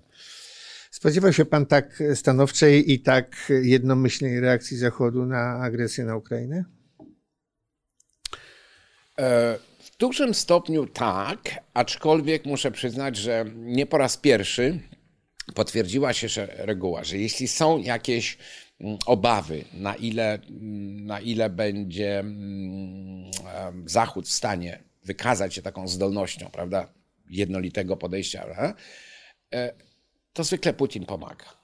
No bo to brzmi, wiem, cynicznie, ale to niektórzy nawet żartują troszkę, to jest taki czarny humor, że właściwie należy mieć jakiś medal natowski. Może i tak, dlatego że e, już nie będziemy o, o Ukraińcach wspominać, ale, ale jeśli chodzi o, o jedność NATO, to, to jednak coś pękło, coś, coś dramatycznie. Owszem, pierwsza zmiana to była, wiadomo, po, po, po agresji na Gruzję i to moje osobiste zdanie, no ja byłem wtedy urzędnikiem natowskim, więc jakby no, nie mogłem e, publicznie tego zdania ale tu miałem wrażenie, że trochę za szybko jakby wróco, wrócono do tego okresu pracy. Potem tego błędu już nie popełniono w 2014 roku, natomiast ta obecna już inwazja sprawiła, że tutaj no, e, nawet ci najbardziej, w cudzysłowie, zawzięci jak gdyby miłośnicy dialogu z Rosją i, i najbardziej romantycznie nastawieni, prawda, mówię, czy to państwach, czy jakichś tam grupach różnych, czy, czy politycznych, czy nawet w różnych kręgach, nazwijmy to urzędniczych, prawda, e, to, to jakby tutaj, tutaj to stało się praktycznie niemożliwe dzięki zmy- działaniom. I znowu, klasyczny przykład to jest Szwecja i Finlandia. No trudno sobie wyobrazić lepszą ilustrację absurdalności polityki No rosyjskiej. tak, no odkąd pamiętam, zawsze no, trwały dyskusje dokładnie. w obu tych krajach na temat ewentualnego przystąpienia do NATO Ale to było zawsze czysto teoretyczne. były czysto Absolutnie. teoretyczne, Nie było nie żadnego- było tak. większości, tak hops na 3-4 Dokładnie. prawie jednomyślnie. Dokładnie, dokładnie. I to jest wspaniały przykład. Idealnie, że tak powiem, potwierdzający e, tą tezę, którą, którą można jednoznacznie postawić, że o której wspomniałem wcześniej, że z punktu widzenia jakby NATO i w ogóle Zachodu, to jakby nie nastąpiła jakaś zmiana, ale drastyczna zmiana, ale Rosja zrobiła, ta Rosja pokazała taką twarz, takie zachowanie, które właściwie sprawiło, że nie ma wyboru, bo No tak, nic tak nie jednoczy jak wspólny wróg, Dokładnie to oczywiste. Teraz Dokładnie. chciałem spytać jeszcze o dwa kraje, które są dość kluczowe we wszystkich możliwych rozważaniach geopolitycznych e, związanych z tą wojną. Pierwsze, e, co Chiny chcą na niej ugrać, bo tutaj mamy do czynienia z, z niezwykle, moim zdaniem, finezyjnym, można powiedzieć, albo też perfidnym podejściem do tej wojny. Przecież to jest oczywiste, że e, ten sojusz rosyjsko-chiński jest taktyczny, że Chińczycy, jak żaden bodaj inny naród na świecie, potrafi y, myśleć, planować na wiele dekad nawet y, do przodu.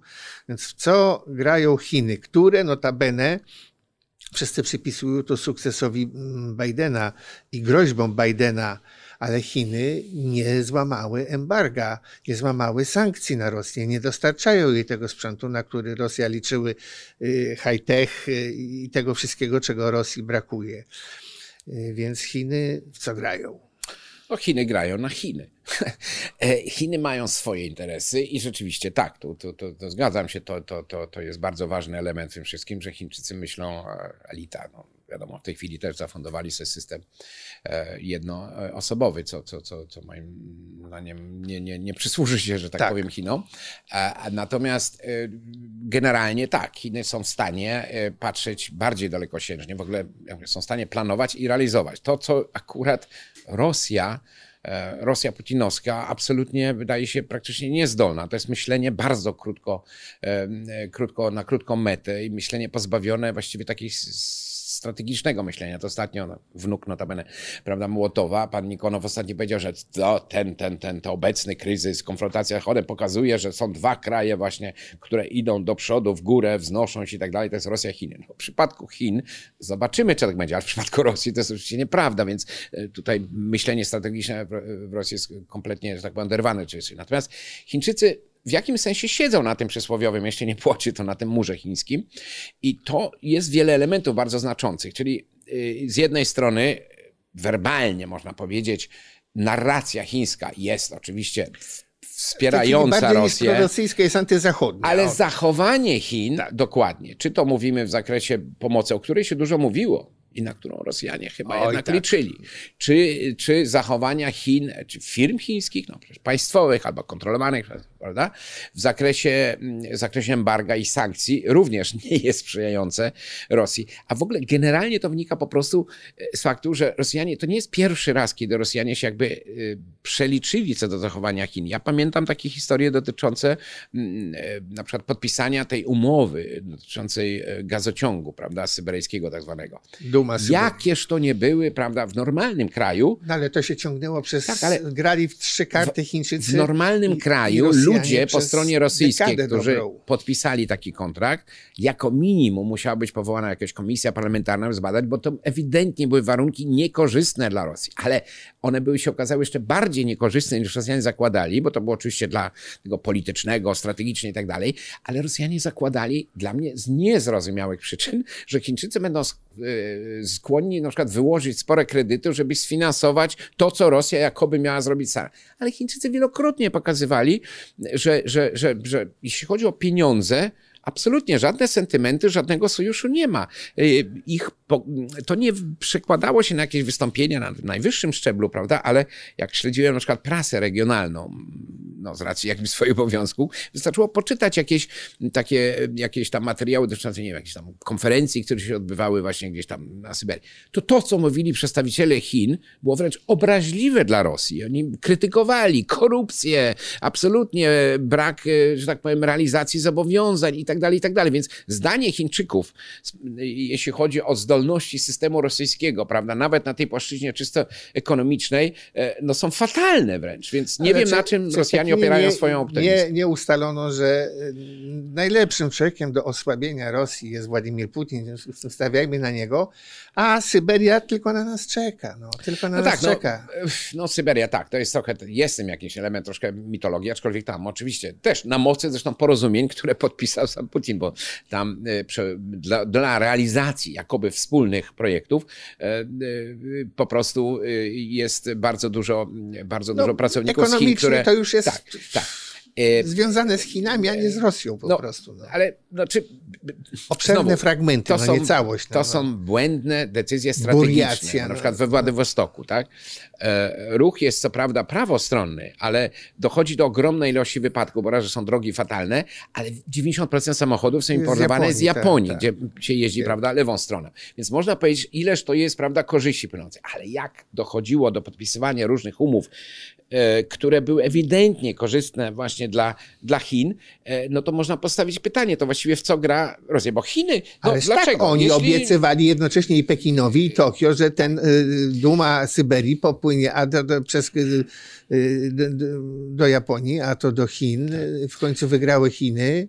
I widzimy to dzisiaj również, dlatego że po prostu Chińczycy korzystają e, na, e, na, na, na, tym, na tej y, wojnie, bo, no bo Rosja ma coraz większe problemy z, ze zbytem prawda, swojej. Na razie energii. skorzystali Chińczycy niesamowicie y, Hindusi, dlatego no, że też być może. No, kupują powiedzieli, że oni owszem kupią, oni bardzo Tak, tak, tak, tak. kupują owszem, ale pod warunkiem, żeby je 65 dolarów za baryłkę, a Ale- wszyscy mówią, że opłacalna cena pierwsza dla Rosjan to jest 100 dolarów Ale- za, za baryłkę, jak nie, to dopłacają do tego. Ale jeśli można, tak jeszcze taki mały, żeby tak troszkę jednak zaciemnić na obraz, żeby to tak nie tego, to jednak to wszystko powiedziawszy, Chiny grają na Chiny i to jest jedno. To z drugiej strony jednak Chińczycy, dla, jednym z powodów, dla których jednak siedzą w cudzysłowie na pocie, no jednak obserwują jak to się wszystko rozwija. I, I, moim zdaniem to ma też wpływ na administrację amerykańską, która po pewnym, e, no jeszcze przecież w ubiegłym roku, Chiny, prawda, to, to, to priorytet, tak ale teraz no, nie byłoby wniosku prezydenta Stanów Zjednoczonych do kongresu o 33 miliardy wsparcia dla Ukrainy, prawda? Gdyby nie było przekonania, że to jest rzecz strategiczna. A dlaczego jest strategiczna? Oprócz innych powodów, również dlatego, że jakby sukces Ukrainy wspieranej przez świat zachodni będzie wywierał znaczący i wywiera wpływ na kalkulacje chińskie w różnych kwestiach, no czy to Tajwanu i tak dalej. republik Środkowej Azji, tak zwanych Dokładnie. czterech stanów, no Dokładnie, tak. Kirgistanu, Kazachstanu Tur- i tak dalej. Yy, to, to, to rzeczywiście yy, dla Rosji, no, dla każdego myślącego Rosjanina powinno być oczywiste, że NATO nigdy nie stanowiło zagrożenia, że długofalowe zagrożenie to jednak są Chiny dla nich że, że to jest dla Chin no, teren żerowania, a dla, dla, dla Zachodu. Ja pamiętam, pytałem Rosjan, tych takich, no, jakichś tam no, specjalistów, z którymi tam można było sobie porozmawiać e, o sprawach międzynarodowych, czy, czy, czy oni jakby no, nie widzą tego, że jeśli mowa o jakimś partnerstwie, już tam miło sojuszu, to to jest e, coraz każdym rokiem ten, to partnerstwo będzie coraz bardziej nie, nierównomiernie. Co oni odpowiadali już tak, no, sam gdzieś tak może nie publicznie, ale w takich normalnych rozmowach, że oni sobie jakoby zdają z tego sprawę, ale po pierwsze to na to jest sporo jeszcze czasu, czasu, żeby tego, e, prawda, smoka okiełznąć, a po drugie, na dzień dzisiejszy te interesy są wspólne, czyli myślenie znowu krótkofalowe. I to charakteryzuje też e, no tak, współczesną no Rosję. taktyczny, oczywiście. No tak, ale yy, nawet nie w zeszłym roku, kilka tygodni temu, przed Zamkiem Królewskim w Warszawie, Joe Biden, yy, mówiąc o początku globalnej wojny pomiędzy demokracją a autorytaryzmem, miał na myśli Chiny, nie Rosję. I to było niesamowite, bo jednak w środku wojny, y, mówiąc na temat tej wojny, on jednak dał do zrozumienia, że tutaj głównym zagrożeniem dla demokracji światowej są Chiny. No, dlatego, że w długofalowej perspektywie y, jakby zdolności, potencjał chiński na płaszczyźnie ekonomicznej, częściowo już politycznej, no i, i wojskowej. Coraz bardziej wojskowej. Coraz bardziej jest jakby wręcz nieporównywalny. No, gospodarka rosyjska e, to jest w tej chwili poziom, mówię o, że tak powiem, dochód narodowy to jest mniej więcej chyba, że tak powiem, Beneluxu, czy nawet Holandii, prawda? Holandii więc, jakiś czas temu, tak, w tej chwili więc, Włochy, więc, no ale teraz po tej wojnie spadną mówiąc, znowu do Holandii. Znaczy, to tak. są jakby nieporównywalne i, i, porównanie, właśnie to jest też paradoks, czy, czy, czy wręcz dezinformacja, którą szerzy Putin e, wobec swojego społeczeństwa. Porównania mimo wszystko współczesnej Rosji do Związku Radzieckiego e, są nieuzasadnione, bo niezależnie od, wiadomo, e, gułagów i, i, i wszystkich zbrodni popełnionych przez, przez, przez, przez komunistów, komunistów, to, to, to, to jak gdyby, no, patrząc na potencjał jakby przemysłowy, no to, co było, miało znaczenie w tamtych czasach, prawda? No to oczywiście jakby relatywnie ten potencjał Związku Radzieckiego e, był znacznie wyższy niż dzisiaj tak, Rosji. I on się prawda? koncentrował, co jest śmieszne w Donbasie. E, no częściowo tak. No, no w dużej mierze. I tak, pamiętajmy o relacjach tak, między, tak, tak. między Związkiem Radzieckim a Chinami prawda, gdzie tam Rosjanie się szczycili, że przyjeżdżają towarzysze chińscy, których, prawda, mąży, e, prawda, doświadczeni Rosjanie uczą, jak tam, nie wiem, budować no tak, no pies jeszcze, martenowski, Jeszcze 10 prawda? czy 12 lat no, temu e, broń chińska była kopiami a, starej broni To jest rosyjskiej. też bardzo ciekawa no, historia, dlatego, że... Jednak Rosjanie tak. zżynają z Chińczyków. No. Ja pamiętam też, nawet rozmawiałem, pytałem się z czystej ciekawości, bo to jakby nasza chata z kraja, a, ale mówię, czy wy zdajecie sprawę, bo oni jakby, bo wy sprzedajecie Chińczykom właśnie takie bardzo już, niektóre nawet bardzo nowoczesne technologie, tak? No, bo to trzeba tu sojusz tak dalej, ale przecież biorąc pod uwagę już doświadczenie, wiadomo co się zdarzy. I tak się działo, że potem nagle kupili jakieś tam parę, parę tych, e, Rosjanie liczyli na to naiwnie. To jest niesamowita ta naiwność rosyjska wobec Chin, że, że, że potem kupią jakąś tam wielką partię, a potem na następnych targach się pokazywał jakiś samolot chiński, był prawie dokładnie kopią rosyjską, tylko tak. nazywał się inaczej. Więc to no, jest... Su-30, nawet Su-35, to, tak, to, to więcej świadczy właśnie o naiwności nazwy. rosyjskiej niż, niż o chińskiej. Tu pogadajmy o Wyspach Północnych, zwanych przez Rosjan wyspami kurylskimi. Czy pańskim zdaniem Japonia otworzy drugi front y, na Dalekim Wschodzie? Y, odzyska swoje wyspy ukradzione 8 sierpnia 1945 roku przez Związek Radziecki? No, nie będę kłamał, że, że czuję się jakimś specjalistą od, od e, Japonii, ale wydaje mi się, że no, nie ma jakichś powodów czy, czy dowodów na to, aby e, które by uzasadniały patrzenie na, na Japonię jako kraj, e, jako kraj jakiś gotowy do jakichś takich no, drastycznych, radykalnych, by nie powiedzieć agresywnych działań, prawda?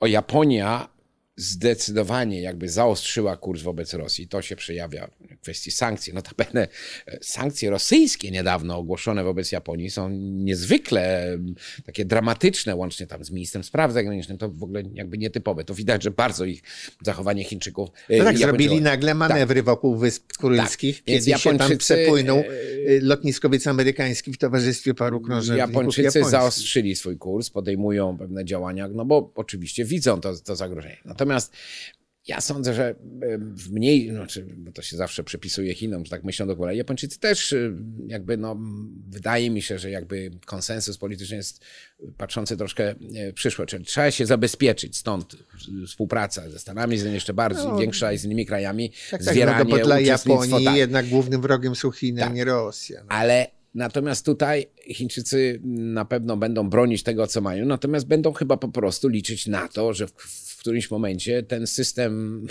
e, reżim jakby być może po prostu i zwyczajnie padnie i wtedy następcy Putina, z nimi już trzeba by podjąć rozmowy poważniejsze, bo z Putinem to się chyba nie da. Bo paradoks znowu polega na tym, że jeśli patrząc z perspektywy Rosja, prawda, to jakby to powinno być tak naturalny sposób w interesie Rosji właśnie no, rozszerzanie tego portfolio, czyli no, przykładowo, skoro Rosja nie posiada zdolności technologicznych, no to współpraca, nie wiem, z Kanadą, właśnie z, z Japonią, prawda, e, miałaby no, ogromny sens. Większość ale, nowoczesnych czołgów rosyjskich by nie no, jeździła to, i nie strzelała, gdyby nie francuskie no, ta, komponenty. No niestety tak, to prawda, ale również chodzi mi o na przykład wykorzystanie, czy niezbędność tych technologii zachodnich dla chociażby do do chociażby dla przemysłu energetycznego, czy do czego, prawda? I tutaj aż się prosi, żeby to zdywersyfikować, więc ze względów tych politycznych, bardzo takich, no, nie, nie mądrze chyba definiowanych, tak bym to powiedział, z punktu widzenia długofalowych interesów Rosji, Rosja się sama ogranicza, więc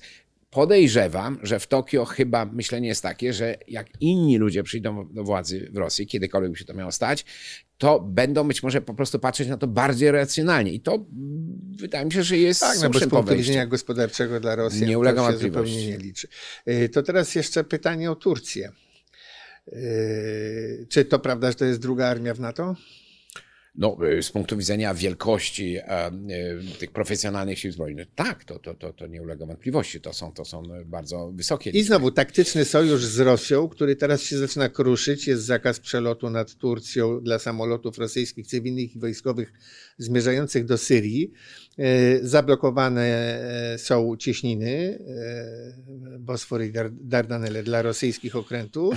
Y, i statków. Rosja bierze udział, y, Turcja bierze udział w embargu na y, Rosję. No i mamy kwestię Krymu, która jest dla Turcji niezwykle istotna. Niezwykle istotna. Tatarzy krymscy nie ma dnia, żeby nie błagali o pomoc w Ankarze.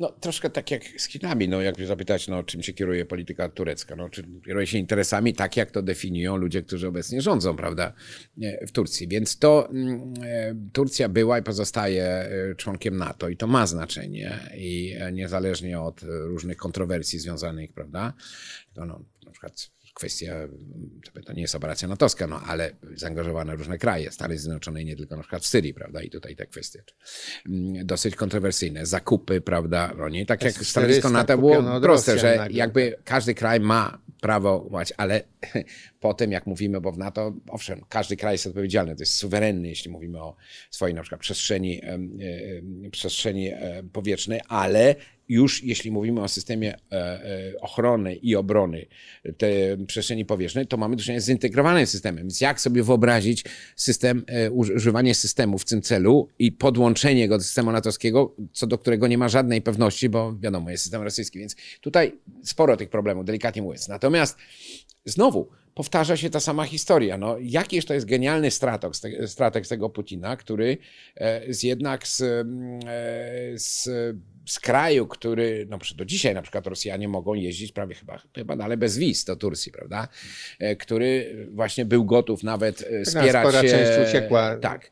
Wspierać się ze swoim największym sojusznikiem, czyli z Waszyngtonem w sprawie tam dostaw różnego sprzętu, e, ale jednak polityka rosyjska no, doprowadziła do tego, że, że, że, że, że na, no już w Ankarze też uznano, że po prostu no, położywszy na szale prawda, interesy Turcji jako jednak część świata, e, e, chociażby. No, No, Turcji, która dąży Tak. do odbudowania Imperium Oczywiście. Osmańskiego, nie ale ukrywajmy, są co bliższe wcześniej jednak. czy później Tak. doprowadzi do Albo- zderzenia z interesami Tak. Rosji. Albo innymi słowy, po prostu, że jak gdyby e, e, e, okazywanie jakiejś tam no, sympatii czy, czy przesadnej tolerancji, może tak powiem, wobec działań rosyjskich nie leży w interesie Ankary. Prawda?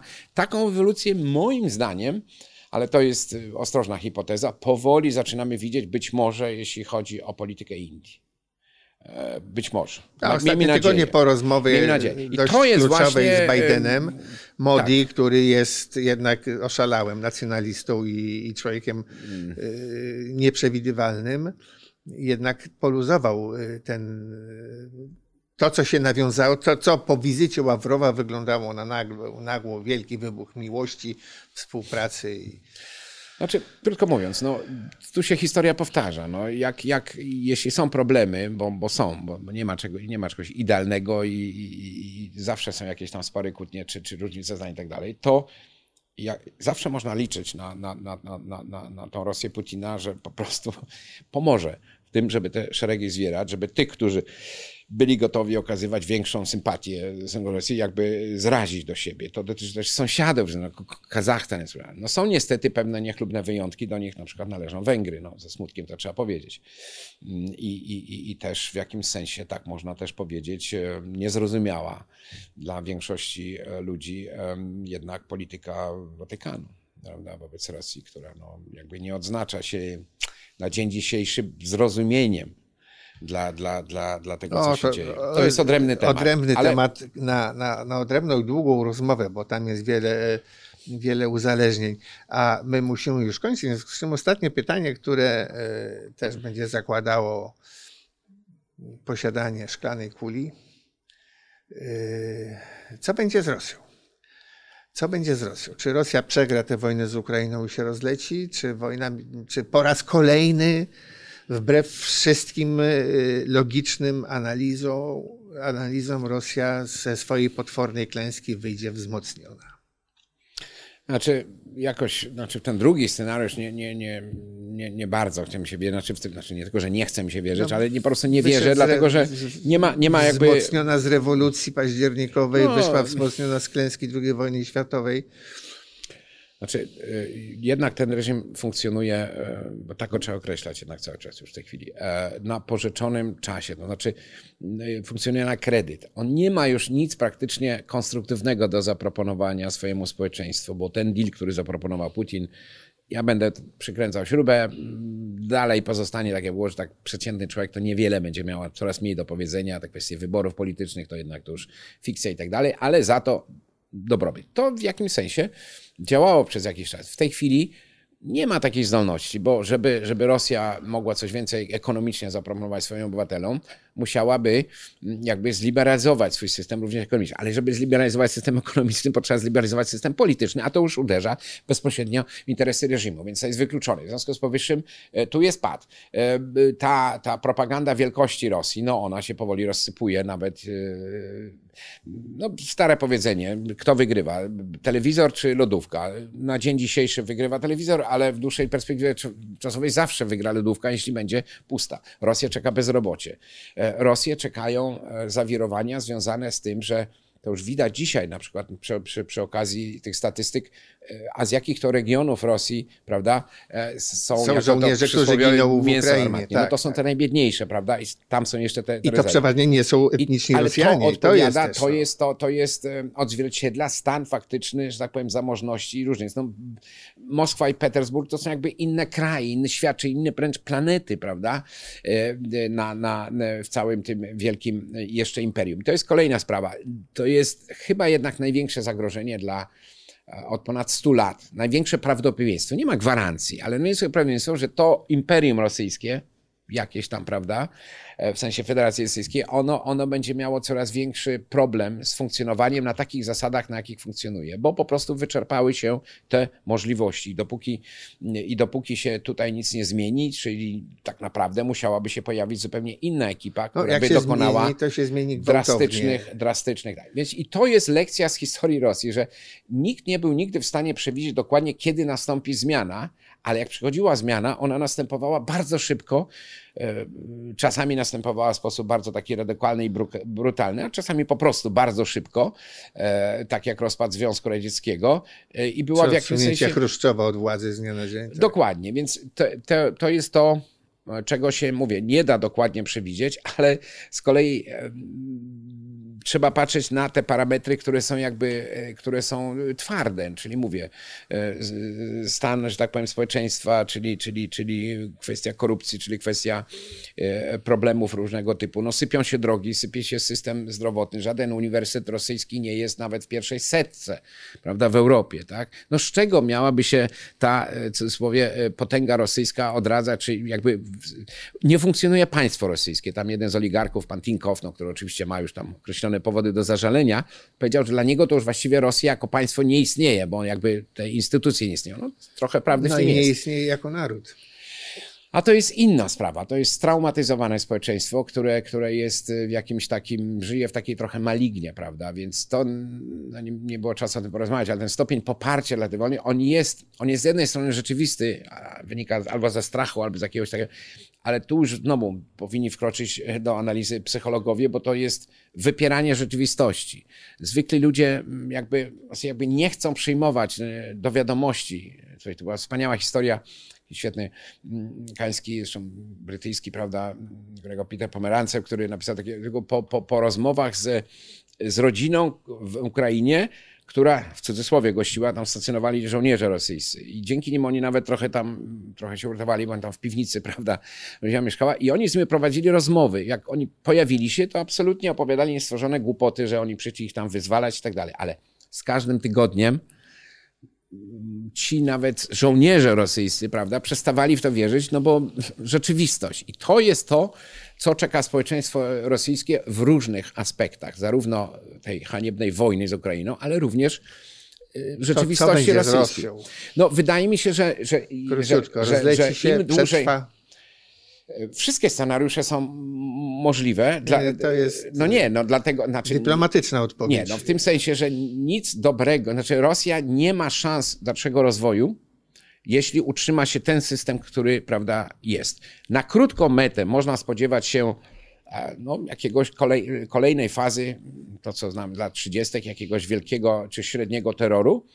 Natomiast w zależności kiedy nastąpi zmiana, Rosję czekają, jakby czeka coś na kształt rewolucji, bo, bo to będzie musiało dotknąć wszystkich, e, wszystkich dzieci. Więc ja nie, nie, nie będę ryzykował e, e, spekulacji, kiedy to nastąpi, ale jestem przekonany, że dalej w ten sposób Rosja nie może funkcjonować. A, a w momencie, jak dojdzie do takiej transformacji, no to, jak to mówią Anglicy, all bets are off, bo to może dotyczyć całego systemu, czy to federalnego, czy e, tożsamości, e, wspomnianej tak, zarówno społeczeństwa, ale również nawet, e, że tak powiem, terytorialnej. Więc no, No i rosnących aspiracji niepodległościowych wielu Dokładnie, republik, dokładnie zwłaszcza tak. tych dużych. No, które będą wtedy, powtór, będzie powtórka z tego, co prawie zaczęło się dziać, powiedzmy, na początku lat 90., czyli te różne regiony jakby e, myślały już swoimi kategoriami, kategoriami swoich interesów. Więc ja, to Rosjanie, no, czy, czy mieszkańcy obecnej Federacji Rosyjskiej o tym zdecydują, bo to też trzeba podkreślić, to nie świat zewnętrzny będzie jak gdyby o tym zdecydował, ale są pewne realia, które kto by to nie był władzy w Rosji, nie może po prostu e, zignorować, bo, e, bo ta lodówka będzie decydować o tym, e, jak Rosja może się, może funkcjonować. Bardzo dziękuję. Proszę Państwa, to była wspaniała, ciekawa rozmowa, pełna różnego rodzaju gdybania, ale w sumie optymistyczna. E, Zdaniem naszego gościa, e, ambasadora, nic e, strasznego się nie wydarzy jutro, 9 maja. No, a perspektywy dla Rosji są raczej e, mało e, optymistyczne. Zobaczymy, co z tego wszystkiego będzie. Ja tymczasem dziękuję bardzo za uwagę, dziękuję naszemu gościowi. Ja dziękuję za Do zaproszenie. zobaczenia w y, przyszłych odcinkach Allegro Manon Troppo.